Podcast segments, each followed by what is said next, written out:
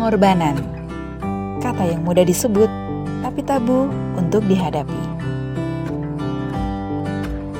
Pengorbanan adalah cara semesta untuk menyeleksi orang-orang hebat untuk bertahan. Pengorbanan adalah guru yang paling sadis, juga paling diingat.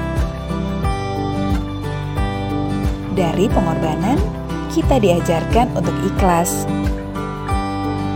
menghargai apa yang kita miliki, dan merelakan apa yang seharusnya kita lepaskan. Kita pun diajarkan untuk memilih prioritas mana yang akan kita ambil. Menyikapi dengan cermat apa yang harus kita lepas untuk mendapat lebih dari yang kita mau. Dalam pengorbanan ada proses. Proses untuk menerima batas mampu, proses untuk berjuang lebih keras agar mendapat yang lebih baik, proses untuk berubah dari kita yang dulu menjadi kita yang kuat.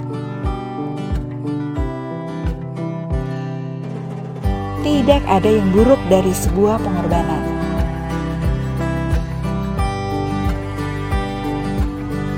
Harus kita lakukan adalah lebih fokus mengaminkan tujuh dan bersyukur karena kita terpilih untuk naik tingkat.